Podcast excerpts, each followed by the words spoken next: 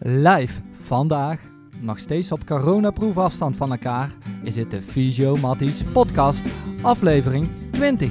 Met uw vaste gasten Patrick Verhagen, Theo Elting en Bart Damen. Vandaag gaan we een eh, podcast overnemen, op, eh, opnemen over focussen. Uh, vandaag bij ons aangeschoven is, is dokter Gert, Gert Kuit.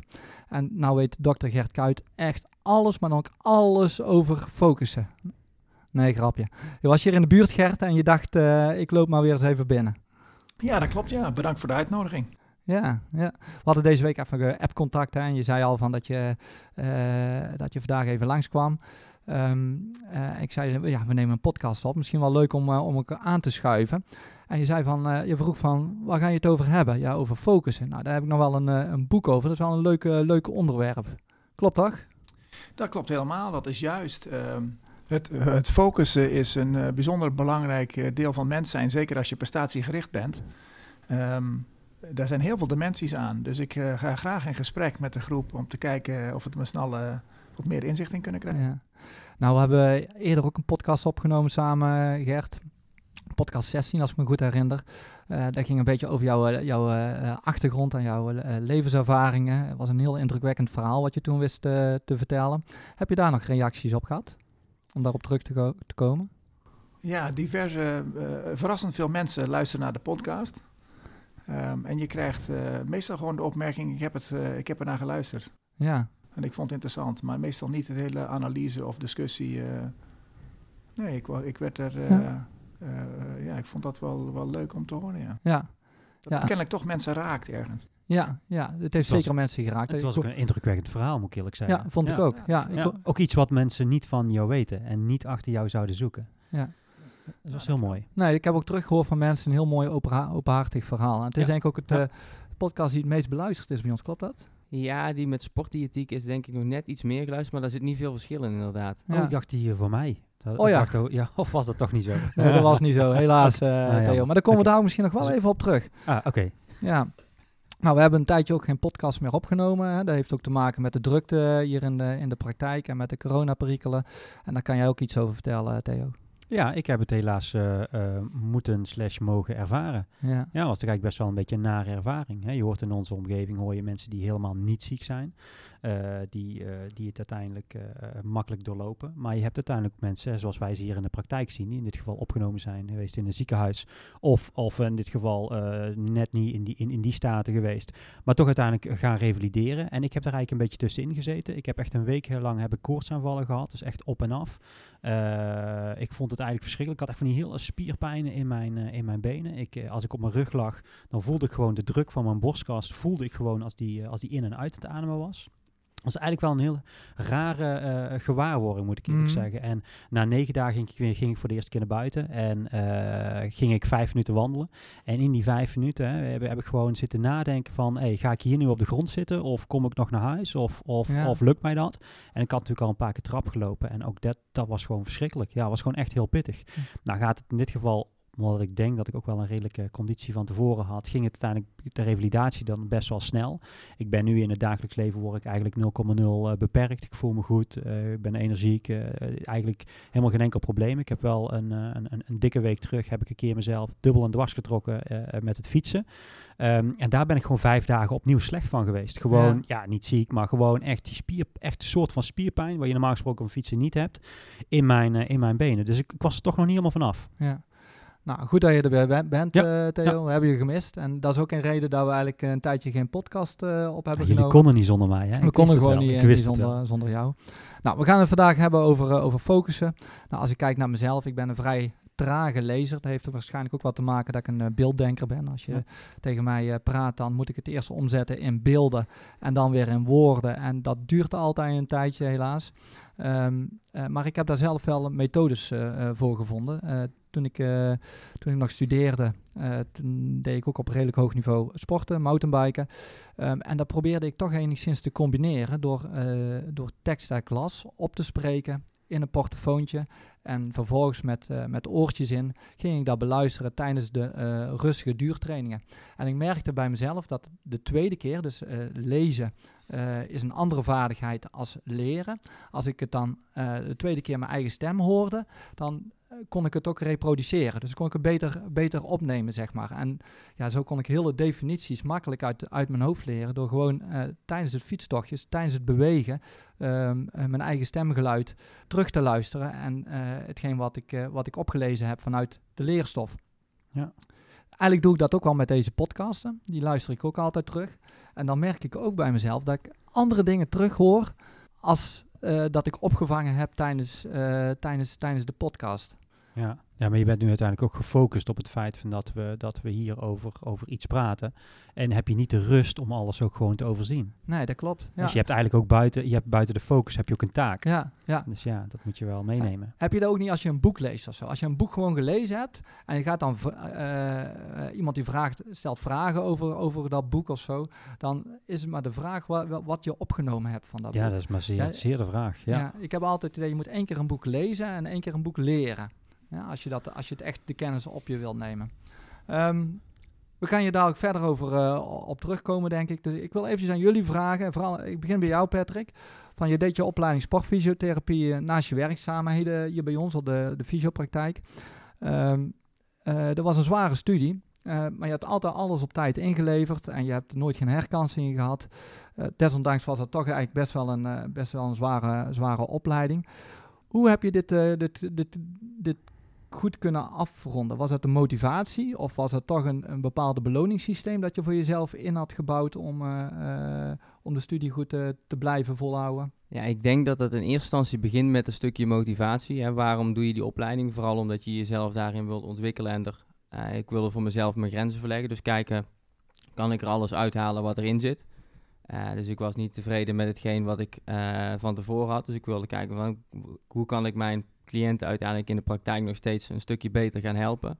Uh, dus daar kwam met name mijn motivatie vandaan. En dat heeft me wel geholpen om me daar ook doorheen te zetten.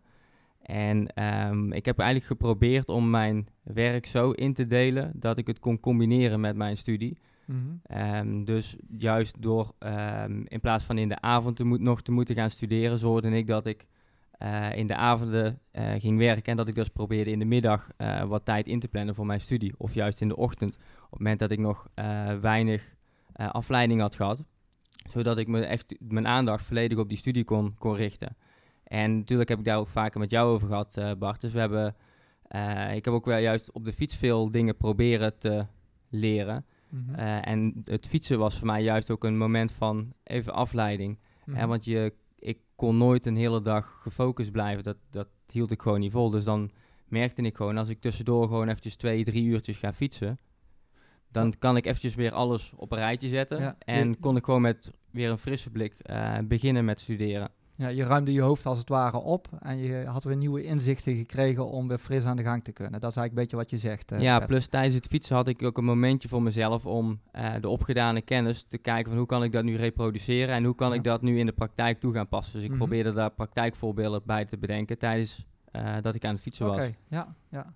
Ja, dat, dat merkte ik bij mezelf ook. Wat ik dus toen net al zei van ik ben een echte beelddenker. Ik kreeg de, eerst heb ik een opleiding SEALS gedaan en dan, dan, kregen we les op de sportvelden en dat maakte voor mij ook heel visueel zeg maar alles. En daarna de opleiding fysiotherapie ja, daar, daar zaten we in de onderbroek, uh, in onze onderbroek in de, in, de, in de klas. En daar waren we aan het palperen en anatomie en vivo aan het, uh, aan doen. Maar dat was heel levendig en heel, uh, heel visueel, zeg maar, waar we ja. mee bezig waren. En dat, dat maakte het eigenlijk heel makkelijk. En dat was bij sportfysiotherapie natuurlijk ook. Want dat, je, je, kunt, als je zelf sporter bent, dan kun je heel goed inbeelden wat, wat er gedaan moet worden. Ja, dus je maakt het heel toepasbaar eigenlijk. Dus dat maakt het leren ook een stuk makkelijker voor een beelddenker. Ja. En daarnaast is het ook zo dat hetgeen wat je op de opleiding leert, kun je de volgende dag op de, in de praktijk eigenlijk al gaan toetsen en toe gaan passen. Mm -hmm. En dat zorgt er ook voor dat je het makkelijker en sneller onder de knie krijgt. Ja. Kijk, op het moment dat je daar uh, iets leert, maar het duurt een half jaar voordat je stage kunt gaan lopen en het dan pas kunt gaan toepassen, dan ben je heel veel ja. dingen ben je ondertussen eigenlijk alweer kwijt. Ja. Dus dat de, de, verbanden zijn nu wel een stukje makkelijker dan. Makkelijker ja. te leggen. En dat is ook een stukje werkervaring wat je in de tussentijd dan al opgebouwd hebt. Dus je, je leert ook gewoon sneller, heb, ik het, heb ik het idee. En wat waren je beloningen? Waar beloon je jezelf dan mee? Als je dan, Had hij misschien wel niet nodig, omdat hij zo gemotiveerd was. Ja. Nou, je kan niet zeggen dat ik echt specifieke beloningen voor mezelf... dat vind ik nou toch weer knap, Bart. Dat vind ik dan toch weer knap. Als je Had jij puur... dan wel beloond? Ja, jongen, heel veel. Je had het wel nodig. Ja, jongen. Noem eens iets. Ja, een fiets. Uh, wat denk jij nou? Nee, ik, nee ja, ik, ik zou dan inderdaad zeggen van, hey, ik mag een keer op vakantie, of ik ging een, een fiets, of ik mocht iets voor mezelf kopen. Ja, heerlijk, jongen. Ja, ik, had, ik, ik vond dat als... Hè, kijk, ik, ik, snap, ik snap jouw uh, situatie dan, Patrick. En ik, ik zelf had dat niet, want ik was gewoon heel druk. Mhm. Ik was gewoon, ik, ik moest gewoon overdag werken en die avondschool was erbij. En ik was al een, een ochtenddenker, zal ik dan maar zeggen, met concentratie. En de avond vond ik het al heel moeilijk om op te nemen. Nou, dan was in dit geval de fysiotherapie, was dan toch wel wat levendig uh, in de klas. Mhm. Maar uh, als je dan ook al in deeltijd zit, dan sla je al heel veel van die stukken over. Dus het was ook gewoon koud, gewoon kennis tot je nemen. Ik had er best wel moeite mee, moet ik eerlijk zeggen. Ja. Had je moeite met focussen? Ja, absoluut. Ja. ja. Ik zat ook niet in mijn allerbeste fase in mijn nee, leven. Nee. Maar uh, ik had er echt heel veel moeite mee. Ja, ja we hebben in de podcast een paar weken geleden hebben, uh, hebben jou gesproken over, jou, uh, over jouw carrière als, als fietser en wat er allemaal goed ging, maar ook vooral wat er allemaal misging. Um, en onderzoek heeft, heeft aangetoond dat de mate waarin sporters op universiteiten vatbaar zijn voor concentratieverlies door piekeren sterk samenhangt met hoe goed of slecht ze het daaropvolgende seizoen presteren. Is dat voor jou herkenbaar, uh, Theo?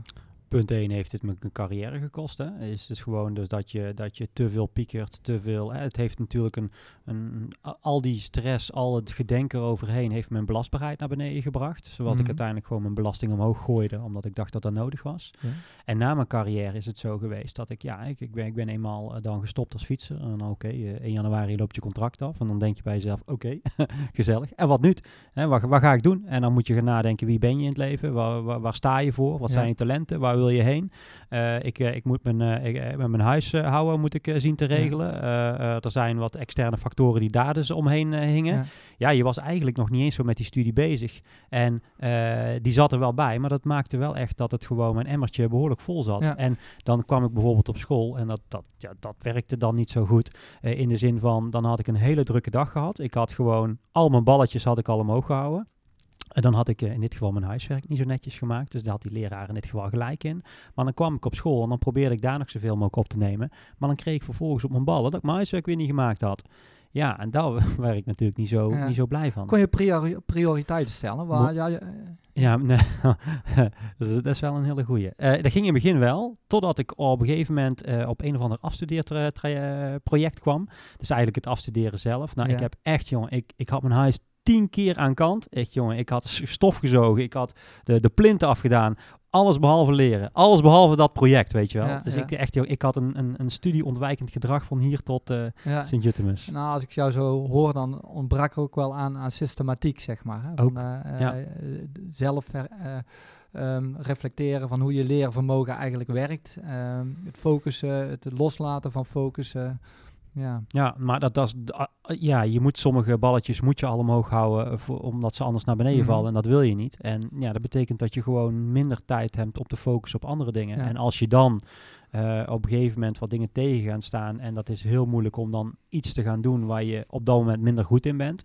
Dus zoals bijvoorbeeld dat afstuderen. Ja, dan is het makkelijker om daar voor weg te lopen als om daadwerkelijk in dit geval uh, die handschoen op te pakken. Ja. Dus ik heb daar wel moeite mee gehad. Ja, dus ja, ja, ja, ja, als ik het zo hoor, dan had je ook een uh, beter een beloningssysteem. Want de motivatie was wat minder. Als ik het zo, uh, ja, zo uh, ik had een beloningssysteem. En je had eigenlijk een beloningssysteem meer nodig. Ja, ja. Hè, als ik dit gedaan had, dan mocht ik dat. en eh, ik was tijdens het, mijn actieve eh, carrière als fietser, was ik al van het straffen. Als ik iets niet gedaan had, dan strafte ik mezelf dat ik iets anders ook niet mocht. En nu probeer ik het om te keren. Als ik iets gedaan had, probeerde ik het zo te draaien dat ik dan ook iets anders mocht. Wel, wel grappig, want als ik Patrick uh, net hoorde, dat was echt de, de interne motivatie wat een grote rol speelde. En bij jou een beloningssysteem. Wat denk je wat het meest effectieve is? ja, ik denk dat daar we... kijk, volgens mij Patrick, je had geen enkel her, toch? Ja, je hebt alles zo doorlopen, toch? Eh, ik ben er redelijk uh, doorheen gefietst, ja. ja ik denk dat dat al genoeg zegt, Bart. ik heb er net iets langer over gedaan dan dat de regulier verstond. Oké, nou dan gaan we eens eventjes naar Gert toe. Uh, ja, als traumachirurg doe je heel complexe operaties. Maar als je nou ook nog eens in de gaten moet houden of, of er acute spoedjes binnenkomen, ja, dan loopt het misschien wel mis. Hoe hou jij focus op je werk en op al jouw taken die jij doet, Gert? Um, ik vind dat een goede vraag, maar als ik eerst een reflectie mag geven over wat ik hier tot nu toe gehoord heb, ja? dan gaat focussen vooral over school en over leren. En misschien in een niet al te sport positieve dat je denkt, hé, hey, dat moet, maar ik, uh, uh, ik denk dat je focus veel breder kan trekken. Mhm. Maar het valt mij gewoon op dat iedereen eigenlijk in een stuk nou, heeft gezegd over de, ja, de, de studie. Um, nee, het valt me gewoon op, zo'n observatie. Uh, Als jij vraagt over hoe doe je als traumachirurg, ja, ik, um, ik, er is niks anders. Op het moment dat je opereert, uh, zit je in een soort cocoon. En er bestaat niks buiten wat je dan aan het doen bent. En uh, dat is iets wat je vroeg, denk ik, al traint. Um, ja, je wilt geen blokken maken, je wilt een goed resultaat hebben. Ja, de tijd staat stil.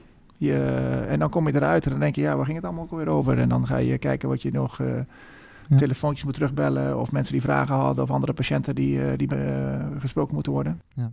Maar hoeveel operaties kon je dan op een dag uitvoeren om, om nog gefocust te blijven?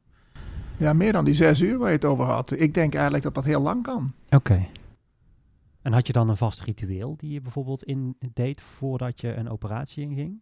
Nee, dat niet. Ja, alhoewel, uh, als je je handen wast, dan uh, visualiseer je de stappen, de belangrijke stappen die je gaat doen dan doorliep je het proces eigenlijk al een beetje. Ja.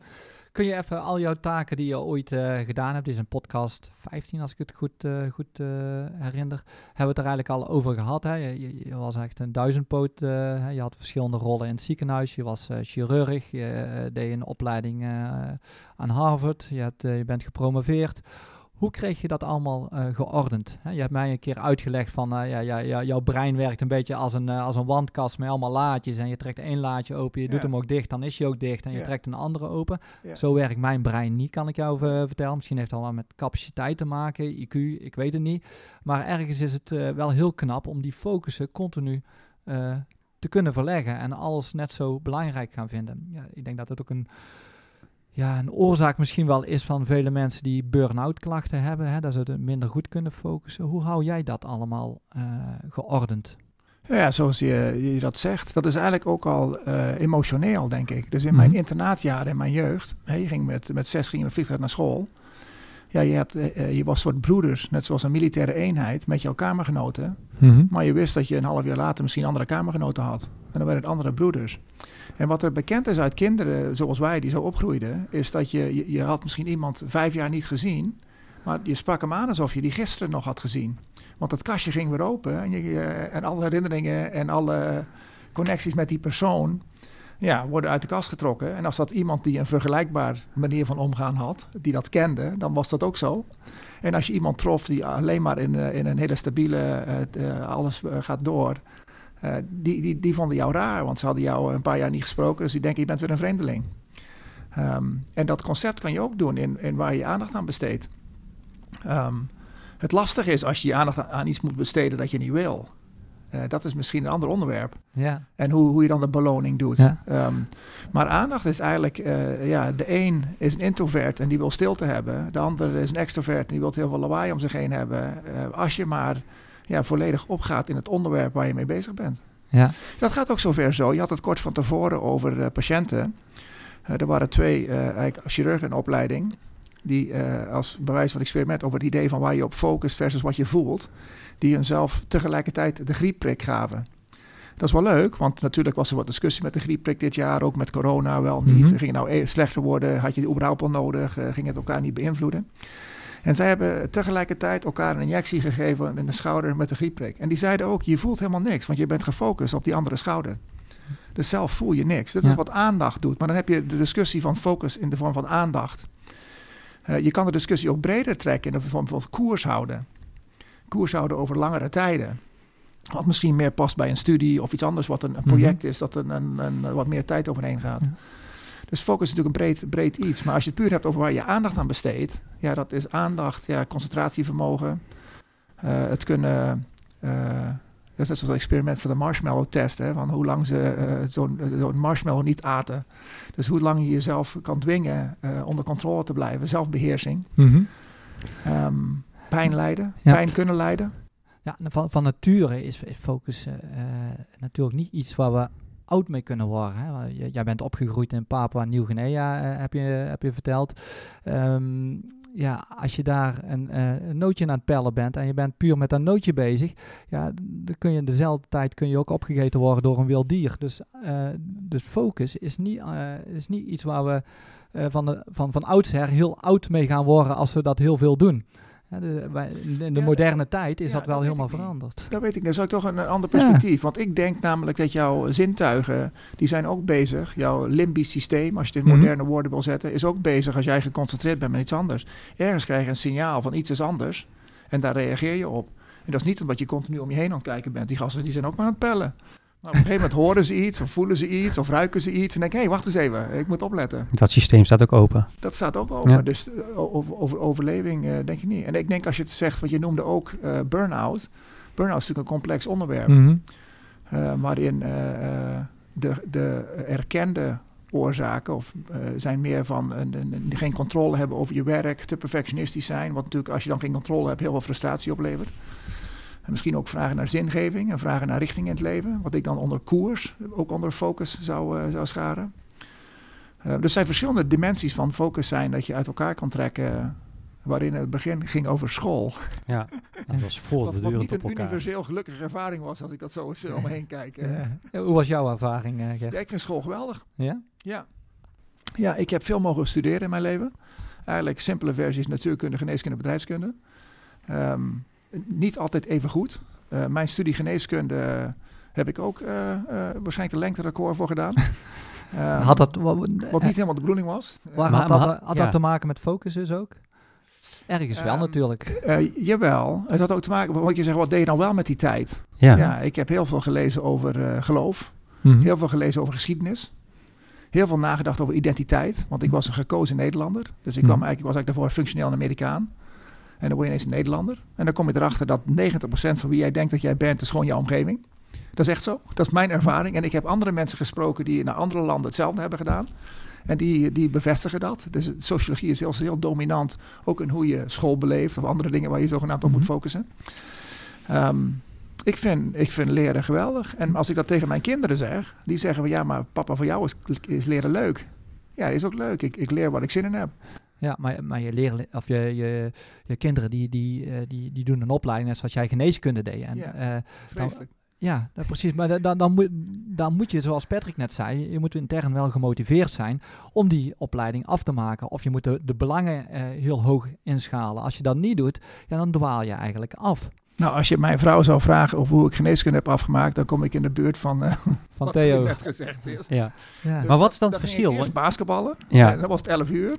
Dan had ik het huis overdag al opgeruimd. Dan kon, kon je geen afleiding meer in vinden. En dan begon je aan een stapel boeken ongeveer even zo hoog als dit. En dan had je van die regels, hè. Achterin beginnen, want je moet geen tijd verliezen met uh, echt lezen. je moet gewoon de inhoud in je kop krijgen. De hele nacht doorleren en dan de trein en dan, uh, en dan je examen gaan halen en halen. Ja. Maar dat is omdat je, je eigenlijk, als je dan weer terugkomt, uh, wat jij vertelde over fysiotherapie, zei, jij kon opgaan in de fysiotherapie en leren op een manier. We weten allemaal dat iedereen anders leert. Hè? De een mhm, door te mhm. lezen, de ander door te luisteren, de ander door te voelen. Uh, er zijn, uh, in, de, in, de, in de, de, leerwereld zijn er zoveel manieren van leren. En je moet en als dat lezen is, wat het toevallig voor mij is, is heel makkelijk. Want zo is het schoolsysteem. Mm Dat is gewoon ja, toeval, geluk. Uh, maar als het een andere manier is, en jij vertelt met fysiotherapie, je kon het gelijk ruimtelijk toepassen, waardoor je het heel makkelijk kon onthouden. Ja, als je dat niet hebt, dan moet je maar mensen om je heen hebben die dat kunnen vertalen. Of uh, tegenwoordig, als het geschreven is, kan je, de computer kan voor je lezen. Mm -hmm. um, we hebben ook bij onze kinderen de verschillen gezien. En omdat wij dit weten, probeer het aan te bieden op een manier waarop zij dat kunnen verwerken. Maar dan nog moet je wel eens iets leren wat je niet leuk vindt. Ja.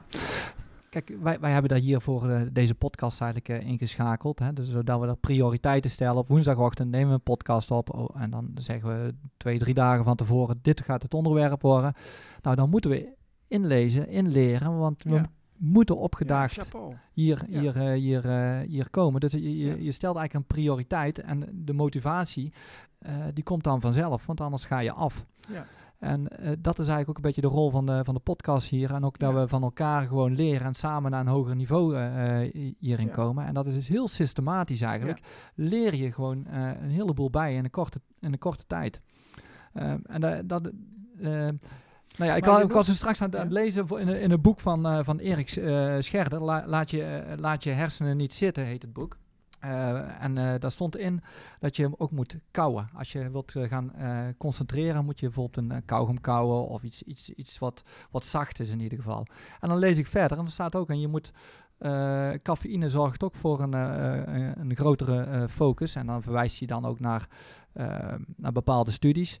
Nou, wat denk ik, ik heb daar nog een energy gum liggen, wat en cafeïne in zit en, en kauwgom. En je moet wel minimaal 20 minuten voordat je opkomt dagen, moet je zo'n kauwgom uh, slikken. Uh, of in je mond doen. Dus ik heb zo'n kauwgom in mijn mond gedaan om, om, te kijken of ik een betere focus kan krijgen tijdens deze, deze podcast. Werkt het? Werkt het? Geen idee. Ja, tot nu toe is hij volgens mij nog niet afgedwaald in ieder geval. Ja, hij zit er volop. Ja. maar dan doet denken dat je uh, ook moet bewegen terwijl je je brein ja. uh, bezighoudt. Ja. Dat, is, dat is sowieso een, uh, waarschijnlijk een aanrader. Mm -hmm. Ja. Uh, omdat wij ook, is ook een, een, gewoon een dierlijke kant, om het zo te zeggen, die gewoon moet bewegen. Mm. Uh, ja, dat is eigenlijk wel een paradox als je kijkt naar kinderen die uh, zitten op een, op een stoel en die worden, die worden geïnformeerd door, door de leraar en dan moeten ze maar opnemen. de vraag is dus ook of dat bij iedere leerling ook goed gaat. Wat daar interessant aan is, is dat eigenlijk als je kijkt van uh, als iemand iets nieuws leert, maar dan dwalen we af van focussen, maar als iemand iets nieuws leert, dan krijg je nieuwe synapsen in je hersenen. Mm -hmm. Maar als iemand beweegt, krijg je bijna net zoveel nieuwe synapsen, uh, synapsen in je hersenen. Ja. Dus het ligt ook in de natuur heel dicht bij elkaar. Ja. ja. Maar we dwalen af van focussen. Uh, of misschien zijn dat trucjes om iemand te helpen focussen. want hoe kan je jezelf, wat zijn manieren om jezelf te helpen om te focussen. Als je er geen zin in hebt. Hè? We hebben beloning of straffen. Ja, beloning, absoluut. ja. Ja, nou ja, goed. Uh, focussen kun je, kun je wel leren. Hè. Je kunt leren om beter te focussen. We, we, voordat we hier aan begonnen hadden we het uh, over een beetje time management. We doen dit ook uh, tussen de uh, patiënten door nemen we dit snel op. Jij zegt net ook, uh, Gert, van ik moet, ik moet over een uur moet ik, moet ik weg. Dus we moeten dit binnen een uur moeten we dit gelijk opnemen. Um, maar dat kan. Hoe, als we goed gefocust zijn. Dus tijd is nooit het, de beperkende factor, want tijd is een vast gegeven. de focus is wel een beperkte factor. Hè? Dus hoe goed kunnen wij in het hier en nu leven en gefocust blijven om een, om een goede podcast op, op te nemen. Nou ja, je hebt ook wel zoiets. Uh, uh, ik, ik weet nog, uh, jaren geleden, toen, heb je, toen, toen, vond ik het fascinerend wat je toen allemaal deed, Gert. en ik vroeg me af, hoe kan hij zo snel schakelen van het een en het ander en dan toch zo gefocust blijven? En daar vroeg ik toen na. Toen zei je van, ja, misschien moet je een tool gebruiken. Asana, zei je, zei je toen. En, uh, dat is een projectmanagement tool, ja. Een projectmanagement tool, maar ook een focus uh, tool eigenlijk. Een soort, ja, uh, toch een stukje time management komt ja. er dan bij kijken. Ehm, ik heb het geprobeerd. Ik vond het verschrikkelijk. Het, het, het, zorgde voor mij eigenlijk juist voor meer stress in plaats van minder, minder stress. Ik, ik, denk dat een, een tool om te focussen moet zeker niet complex zijn. Het moet niet een opgave op zich of een, of een vaardigheid op zich zijn om, uh, om beter te kunnen focussen. Ik denk dat je uh, als, als een papieren agenda of als er maar één ding is, als je niet een papieren agenda en een digitale agenda en een, um, en een smartphone nee, gebruikt. Het moet simpel zijn. Het moet, het moet simpel zijn. Het moet één ding zijn wat je, wat jou, wat je continu gebruikt en waar je ook prioriteiten aan kunt, kunt geven. Hoe simpeler het is, hoe beter je het kunt, kunt gebruiken. En eigenlijk geeft deze agenda dan aan wanneer je aan moet staan en wanneer je uit mag, ja, mag ja. staan. Nou ja, precies. Ik, ik, gebruik, ik gebruik dus onze, onze FRM, onze, onze FRM-agenda eigenlijk daarvoor. Dat is waar onze patiëntendossiers ook zijn. Daar zit ook notities aan gekoppeld. En dat is mijn enige agenda die ik eigenlijk, die ik eigenlijk gebruik. En daarna, daarnaast heb ik eigenlijk altijd een een soort van schriftje bij waar ik uh, dingen inschrijf, een to-do-listje weer maak voor die week. En daar ook eigenlijk prioriteiten aan geef. Ooit zet ik daar gewoon nummertjes ook voor. Hè, wat, wat als eerste taak is, tweede taak, derde taak. Dus ik probeer dat zo, zo, zo simpel mogelijk eigenlijk te houden. En dat me ook continu bewuster van ben van wat ik moet doen. Want anders dwaal ik af. Ik weet niet hoe jullie dat doen trouwens. Ja, doordat je dus eigenlijk van tevoren nadenkt over een plan van aanpak, um, kun je dus inderdaad ook veel beter je aandacht erbij uh, houden. En dat is bijvoorbeeld in de sport natuurlijk ook zo. Op het moment dat je uh, een teamsport doet en je bespreekt van tevoren wat het plan van aanpak gaat zijn. En iedereen heeft daarin zijn eigen taak en iedereen weet wat hij dus moet doen. Ook al loopt het dan eventjes een keer niet lekker en je komt met 1-0 achter. Op het moment dat je dan verder uh, af gaat dwalen, dus na gaat denken over wat zijn nu dadelijk bijvoorbeeld de gevolgen als we nu niet winnen? Dat zorgt er vaak voor dat mensen dus minder zich aan hun plan gaan houden. Dus ja. hun taken dus ook minder goed uitvoeren. Waardoor het, het totale plaatje als een kaarthuis in elkaar zakt. Dus uh, ik denk dat vooral een, een goed plan maken van tevoren en je ook aan dat plan houden, dat dat heel erg belangrijk kan zijn in het uh, ja, goed vestigen van je aandacht op je taak. Mm -hmm. Dus je, je schakelt eigenlijk een beetje de, de stresscomponent en de emotie eigenlijk uit. En gewoon duidelijk de taken uitvoeren wat je, wat je opgedragen is. Of wat je zelf van, van tevoren voor ogen hebt. Dat is eigenlijk een beetje wat je zegt. Ja, ja op het moment dat je dan uh, te, te veel jouw taken los gaat laten.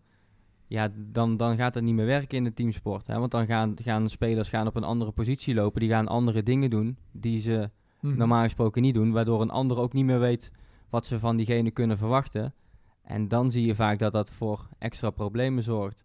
En ehm, binnen de sportwereld wordt er vaak genoemd, we zijn bezig met een proces. Er wordt vaak een beetje lacherig over gedaan van, ja, wat houdt het dan in zo'n proces? Maar ik denk wel dat dat uiteindelijk ervoor zorgt dat je automatismes beter in kunt slijten. Mhm. Waardoor je dus altijd daarop terug kunt vallen en dus ook minder snel schrikt van, van een tegenstand of, uh, of als je dus bijvoorbeeld met 1-0 achterkomt. Ja.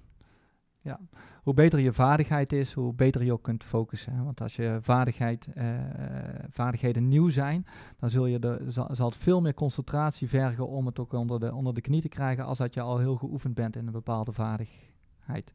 Ja, waardoor je dus ook sneller afgeleid raakt bij een, bij een nieuwe vaardigheid. Ja, ja. wel grappig trouwens, uh, met een aantal met, met Carlijn hebben we toen een podcast opgenomen. En die, daar hebben we toen ook een filmpje bij ons op de site geplaatst over, de, over basketballers. De, de, een groep basketballers, de, de ene helft had een wit shirtje aan en de andere helft had een, zwart shirtje aan. En dan moesten we gaan tellen in dat uh, YouTube-filmpje dat ze ons stuurden, hoe vaak de, de basketballers met een, met een wit shirtje de bal vangden. En daar waren we aan het tellen en ondertussen liep er een gorilla door het beeld en die hadden we geen een van allen gezien. Ja, dat komt omdat je dus gewoon met andere dingen bezig bent. Hè. Jouw taak is het tellen van het aantal passes. En jouw taak is niet uh, zoek de gorilla. Want als jouw taak is zoek tot wanneer de gorilla in beeld komt, dan weet je hem meteen uit te filteren. Ja. Alleen jou, op dat moment is dus je focus dusdanig goed dat je de rest van de omgeving totaal niet waarneemt. Ja, ja. En dat is bijvoorbeeld vanmorgen, jij was uh, aan het fietsen, Bart. Oh, ja. En er ging gewoon een eekhoorntje tussen jouw wielen door. En je had heel dat eekhoorntje niet gezien. Ja, zonde. Hè? Ja. Hetzelfde geld had ik gewoon doodgereden en had ik het nog niet eens in de gaten gehad. Ja, dat had zomaar kunnen gebeuren. Oké. Ehm, je had ook nog een artikel opgezocht, uh, Patrick. Hè? We, hadden het er vanochtend ook eventjes over tijdens het fietsen. Hè? Van een smartphone en social media. Uh, dat zorgt eigenlijk direct ook voor afname in, in hersencapaciteit. Vooral als je gaat switchen, als je aan het, aan het werken bent en je hebt een taak en je gaat even kijken wat, hoe, het de stand is op social media. Um, dat je meteen een 15 IQ-punten eigenlijk inlevert. je staat meteen achter. Ja, op het moment dat je je smartphone daar hebt liggen, dat is een onderzoek van Adrian Ward. Um, dat, dat leidt eigenlijk meteen al af. Kijk, ik heb mijn, mijn smartphone heb ik hier nu ook liggen, want ik moet dadelijk het deuntje op een gegeven moment weer een keer in gaan zetten. Maar zodra dat er dadelijk in één keer een notificatie op mijn telefoon komt, mijn brein is daar toch mee bezig. En die is ook, ook al zit hij bijvoorbeeld in mijn broekzak en hij trilt een keer, mijn hersenen zijn toch actief daarmee bezig. Dus mijn werkgeheugen wordt daarin belast. Dus de um, beschikbare capaciteit van mijn werkgeheugen is daardoor eigenlijk al lager. Dus wat je zou kunnen doen, is bijvoorbeeld je telefoon bij een vergadering gewoon helemaal in een andere ruimte leggen, zodat je er ook niet zoveel mee bezig bent. Des te minder snel ben je uh, afgeleid. Want dat is eigenlijk een vorm van directe afleiding, wat eigenlijk het snelste hmm. gebeurt. Hè, dus als je aan het werken bent en er zit bijvoorbeeld een collega langs je en die maakt heel veel herrie en je kunt daar niet goed tegen. Ja, zoek dan gewoon een rustige ruimte op, eh, zodat je daar beter je aandacht op je werk kunt houden. Ja. Er is ook wel onderzoek naar gedaan, hè, dat een open office, dat dat eigenlijk niet werkt. Hè. Uh, is een tijdje heel trendy geweest om een uh, flex plekken te werken en een open office. Maar we weten ook dat, dat, uh, uh, dat je daardoor heel snel afgeleid bent. Zeker als je mensen in de buurt hebt die je kent. En ze noemen bijvoorbeeld je naam. Je, ook al praten ze dat, zeggen ze dat niet harder als dat ze normaal praten. Je hoort meteen uh, je naam vallen. Dus je bent eigenlijk meteen afgeleid. Um, ik weet nog, in, in, toen ik in Os werkte als fysiotherapeut, toen werkte ik op een dinsdag, dinsdagavond altijd over. En dan stond ik daar op de, op de fitness. En toen was een, had ik moest ik iets regelen met een betaling van de cliënt waar ik niet zoveel van afwist. En dan moest ik een acupuncturist even bijroepen, een van de, maat, de maten van de, van de fitnesspraktijk. Dus ik liep naar zijn kamertje toe en ik klopte op de deur en ik vroeg of hij even mee, mee, wilde kijken. Ja, nou, ik kwam, kwam meekijken. En ja, dat was toch wel een, een, een, lastig vraagstuk. Dus hij zat er zo in. Uh, op een gegeven moment was het tijd om af te sluiten daar. Dus wij gingen afsluiten en uh, hij ging naar huis toe. Ik deed de lichten uit en ik ging eens even, even alle kamers nakijken. En dan lag er nog eentje vol met naalden in de behandelkamer. Dus hij was gewoon zo uit zijn focus gehaald door mij eigenlijk. En die was vergeten om ik word nou wel een beelddenker, Bart, moet ik eerlijk zeggen. Ik, ik visualiseer het mezelf wel in dit geval. Lekker. Ja, oké. ja. Um, hebben jullie ooit zoiets meegemaakt? Nee, zoiets niet, Bart. Nee, zo, zoiets niet. Maar als ik dan ga refereren naar, uh, naar het fietsen. Uh, uh, het klinkt al heel stom, maar qua focus. Stel je voor, het, het is in één keer, het regent. Hey, wij moeten met z'n allen daar gaan fietsen. En het regent en het waait. En ja, dan heeft gewoon echt zoveel procent heeft al geen zin meer. Um, dat betekent dat de meeste mensen al veel minder gefocust zullen zijn de kans op dat een, een, een, kopgroep die dag de, de finish succesvol bereikt, is vele malen groter als dat het niet zou regenen. En dat heeft puur met focus te maken, is dat de meeste mensen dus eigenlijk al liever niet meer mee willen zitten en niet meer zo goed hun best willen doen. En dat merkte ik vaak wel. Of, of, of een tweede dingetje is als ik een tijdrit reed. Uh, ik ben vroeger ook naar een sportpsycholoog geweest die mij dus ook gewoon het gedeelte van focussen probeerde zoveel mogelijk bij te brengen. Waar ik bijvoorbeeld moeite mee had, ik was niet goed in uh, tijdrijden. En tijdrijden vond ik saai, want ja, dan was ik tegen mijn eentje aan het vechten. En wat, was ik nou eigenlijk aan het doen? En het deed pijn en het was niet leuk. Uh, ik kon het ook niet zo goed. Maar ik heb daarna wel geleerd om mezelf te focussen van, nou goed, hè, op, het, op het proces eigenlijk. En wat ik aan het doen was, het aansnijden van de bochten. wat voel ik nu uiteindelijk? Is dat ik het wel veel leuker ben gaan vinden. En vervolgens reed ik dus ook daadwerkelijk beter tijdritten. En niet super, maar wel veel beter. En daar vond ik wel op zich al heel erg op opvallend. En was dat uh, uh, die discussies alleen maar rond om het tijdrijden? Of was er meer? Uh, nou, eigenlijk gaat het natuurlijk over alles in het, in het, binnen het fietsen dan, heb ik het heel eventjes over. Maar ja, overal op, ja. Het moment dat ik dus uiteindelijk naar buiten keek en ik zag regen, wist ik, oh ja, nu moet ik mezelf gaan motiveren. Dus je probeert je nog eens extra moed in te praten, op jezelf te focussen, om bij wijze van spreken met de eerste ontsnapping van de dag meteen mee te zitten. Terwijl ik ook wel eens ooit dacht van, hé, hey, hoe heb ik nog vier lagen kleren of vijf lagen kleren. Van ja, als ik het maar niet koud krijg. Hm. En wat heeft die, want die, uh, zo'n proces met zo'n psycholoog.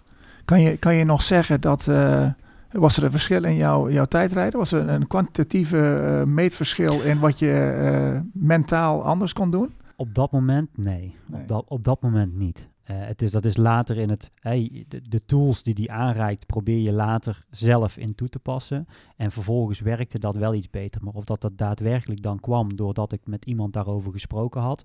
Uh, wat een stukje, wat misschien wel uh, hielp, was een stukje zelfinzicht. Hè? Dus hoe beter ik mezelf ken, des te beter ken ik mijn valkuilen en weet ik wat ik niet zou moeten doen. En ik denk dat daar de belangrijkste kennis dan in dan zal zitten, of de tool zal, zal zitten. Zit hem dan ook in het feit dat je beter weet wanneer je af aan het dwalen bent, waardoor dat je je gedachten wel weer bij je taak kunt krijgen? Misschien dat je iets bewuster bent. Maar ehm, ja, ik denk dat, ik denk dat een succes, hè, dus als iets goed gaat, zul je ook weer veel sneller gefocust zijn. Uh, dus ik denk dat dat wel een heel belangrijk ding is daarin. Ja. Bouwen jullie ook, uh, tegenovergestelde van focus is eigenlijk, is inderdaad wat Patrick net zegt, eigenlijk een beetje afdwalen. Bouwen jullie dat ook bewust in? Dat je dat je, je brein uh, even ontspanning geeft en gewoon lekker gaat, uh, gaat afdwalen? En afdwalen bedoel ik niet dat je achter je smartphone zit of achter de tv of computer, maar gewoon, gewoon de, de, de, hersenen de vrije lopen geven. Nou, het, het gekke is, hè, dan ga ik wel terug even naar de studie, sorry het feit van dat ik het zo moeilijk vond om mezelf te focussen op de taak, zorgde voor mij ook dat ik mezelf zo veel strafte dat ik me ook geen vrij gaf. Mhm. Het, was zelfs zo dat ik me zo strafte dat ik ook, geen, ook af en toe niet meer mocht gaan fietsen. En ik mocht bepaalde dingen niet meer doen, omdat ik andere dingen ook niet gedaan zou hebben.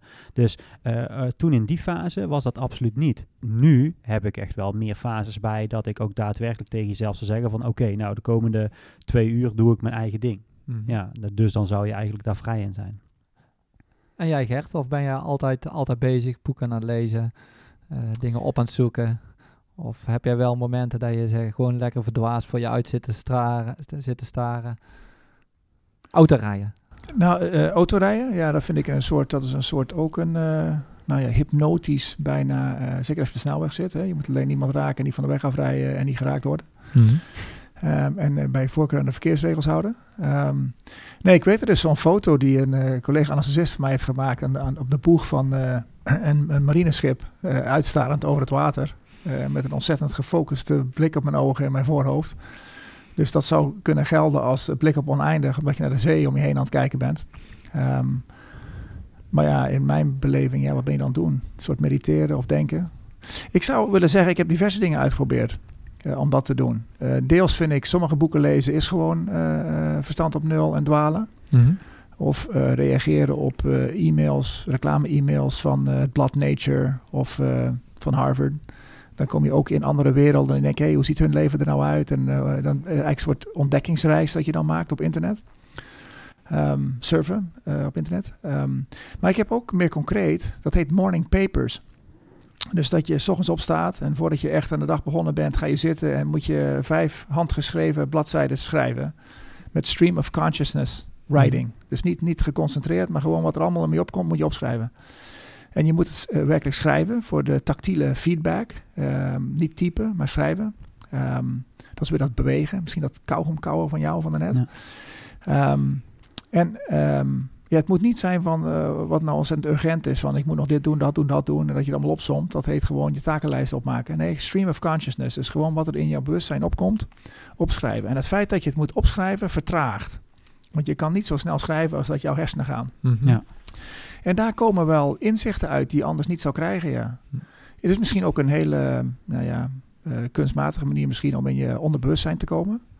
Van wat voel je nou, of wil je nou, of het, uh, het limbische systeem heb ik al genoemd. Maar het, uh, wat ik denk dat van invloed is op lange termijn koers houden. Dan moet je wel een beetje weten, niet alleen waarop dat je een idee hebt gehad of een, iets denkt. Maar dat je het ook echt wil en dat het echt iets, ja, dat, dat, dat dimensie zijn van mens zijn is complex. Um, maar in morning papers, dat je het schrijft, heb ik een tijdje volgehouden. Ook omdat ik toen een coach had. Um, gewoon het... Ja, ik merk, uh, ik heb graag... Ja, vaak is het zondagochtend. Uh, omdat mijn vrouw dan gaat hardlopen. En dat je dan zit je in je stoel en dan is of je, je pakt iets of je kijkt iets. Of nu ben ik zo'n boek over Taoïsme aan het lezen. Maar dan dwaal je meestal weg in gedachten van wat, wat betekent dat nou en hoe past dat in met wat ik allemaal al weet. Hè, als zoon van een dominee uh, ben je nogal, weet je iets meer waarschijnlijk over de Bijbel en andere zaken dan gemiddeld. Um, dat je dat probeert een complete theorie van te maken.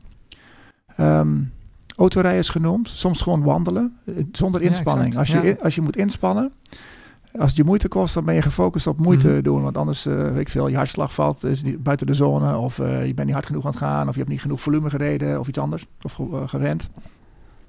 Maar iets gewoon bewegen, wandelen. Um, en als je dan ja, lost in thought of in gedachten wegzakken, en dan komen er ook vaak ja, spontane ideeën. Zo zijn ook uh, de, de grote der aarde, hè, de Einsteins van deze wereld, de Edisons van deze wereld, grote wetenschappers, die vertellen allemaal wel dat die vaak een doorbraak hebben gehad. Of zo'n Fransman met een wiskundige oplossing uh, in het boek dat je noemde in het begin, ja. die langs de zee liep aan de Franse kust en ineens zag hoe die een bepaald wiskunde bewijsvoering kon doen. Uh, maar dan moet je dat, dat haastige en dat, dat cognitieve denken en uh, dat moet allemaal weg. Dat moet een, uh, ja, een ander deel van jouw brein moet bovenkomen, moet de kans krijgen om lucht te zien. Ja, exact. Ja. ja. Je moet kunnen afdwalen. Hè? Ja. Je moet, je moet, ja, het, het, rondom slaap kun je het ook denken. Ik weet, die Edison is het verhaal. Die wist dat hij vaak zijn beste ideeën kreeg net voordat hij in slaap viel. Dus helemaal ontspannen. Maar ja, dan, dan kon hij zijn idee niet meer onthouden. Ja, la, la. Dus die had, nee, die, had een, die had een fles tussen zijn vingers, dat boven zijn oh, ja. voet stond. en als hij dan dus niet meer die fles vasthield, ja, dan viel op zijn voet, werd hij wakker en schreef hij zijn idee op. Serieus? ja, zo. Er is een foto van hem zo. Uh, ja, dat is inderdaad wel zo. Vlak voor het slapen gaan, dan heb je vaak uh, de meest bijzondere ideeën. Uh, ik, ik, merk wel aan mezelf dat ik het wel meteen op moet schrijven, want anders... Ja, ja dat probleem heeft hij opgelost met een zware fles op zijn voet. Ja. heb je weer werk als fysiotherapeut waarschijnlijk, maar goed. Ja. ja, het gevaar is dan natuurlijk wel dat je daar dan weer te veel mee bezig gaat zijn, waardoor je slechter kunt slapen over het algemeen. Ja, ja. Nou, Bart, je had het er straks over een dictafoon. Toen ik nog echt heel veel fietste en er was een heel veel rustige duurtrainingen, zodat je in principe aan het bewegen was in plaats van echt trainen, dan kreeg je ook je beste ideeën. En die, die, die kwamen dus op en die vergat ik altijd thuis. Dus dan wist ik het niet meer waar ik, waar ik geweest was en uh, wat ik bedacht had. En die, uh, die, die, sprak ik, die sprak ik dan in, bijvoorbeeld op een dictafoon. Ja, en dan uh, die had ik in mijn zak zitten. En dan, dan had ik er na een week had ik er een paar verzameld. ja. En die schreef ik dan op een lijstje en dan wist ik ze uiteindelijk weer. Was mijn uh, tactiek. Ja, heel slim. Ik denk dat we langzaam gaan, uh, gaan afronden, uh, als jullie daarmee eens zijn. Ja. ja. de aandacht begint ook een beetje weg te zakken, denk ik. Ja, ja en ik zit ook, kijk, dit is ook weer een beetje time management, want ik kijk net naar, de, naar de klok. En ik denk dat we zo meteen ook weer, weer verder moeten met z'n allen. Kunnen we een beetje samenvatten van wat er gesproken is? Nou, ik denk dat het vooral handig is om op de lange termijn een bepaald, bepaalde visie te hebben, of in ieder geval een bepaalde plan van aanpak aan te houden. En daar dus ook niet zo snel meteen van af te wijken als er dingen uh, tegen zitten. Zowel binnen, binnen werk, uh, school als, als binnen sport. Mm -hmm. dus juist ook af en toe momenten zoeken van ontspanning. Om dus eventjes alle ideeën de ruimte te geven om te kunnen ontwikkelen. Dus niet continu bezig zijn van ik moet, ik moet focussen, ik moet dit doen, ik moet dat nog doen. Maar af en toe juist ook gewoon je momenten van ontspanning pakken. Ik denk dat dat ook wel duidelijk naar voren komt dat het heel belangrijk is. Ja. En focus op jezelf. Ja, dus echt, eh, echt bij je Ja, begin bij jezelf. Bij begin bij jezelf. Gezonde, gezonde leefstijl. Ook dat. Uh, voldoende slaap. Uh, gezonde mentale toestand. alles, dat is allemaal van belang. Ik denk dat je... De motivatie is denk ik een hele belangrijke waar we net over hadden. Hè. ik denk dat het allerbelangrijkste is om te kunnen focussen. Je vaardigheden. Ja, hoe vaardiger je ergens in bent, hoe beter je ook uh, bent in het, uh, in het focussen. Hoe weinig afleiding hebt, denk ik. want uh, hoe meer prikkels je erbij hebt, dan denk ik, dan ben je ook sneller, sneller afgeleid, denk ik. Um, ja, zorg ook iedere dag voor, voor, voor voldoende afleiding. Dus dat je niet heel de dag gefocust blijft. Hè? Dus leg af en toe gewoon je telefoontje weg en ga niet van tevoren nog spannende dingen op tv kijken, maar zet je ook je, af en toe je brein eens eventjes gewoon lekker uit. uit ga eens naar buiten toe staren, gewoon, gewoon lekker in het oneindige. Ja, ik heb hier een aantal boeken wat gescreend voordat we hier, vo voordat we hier aan die podcast begonnen. En dat een boek waar ik een stukje van gelezen had was van Mark Tigelaar, Focus aan en uit, was wel een aanbeveling.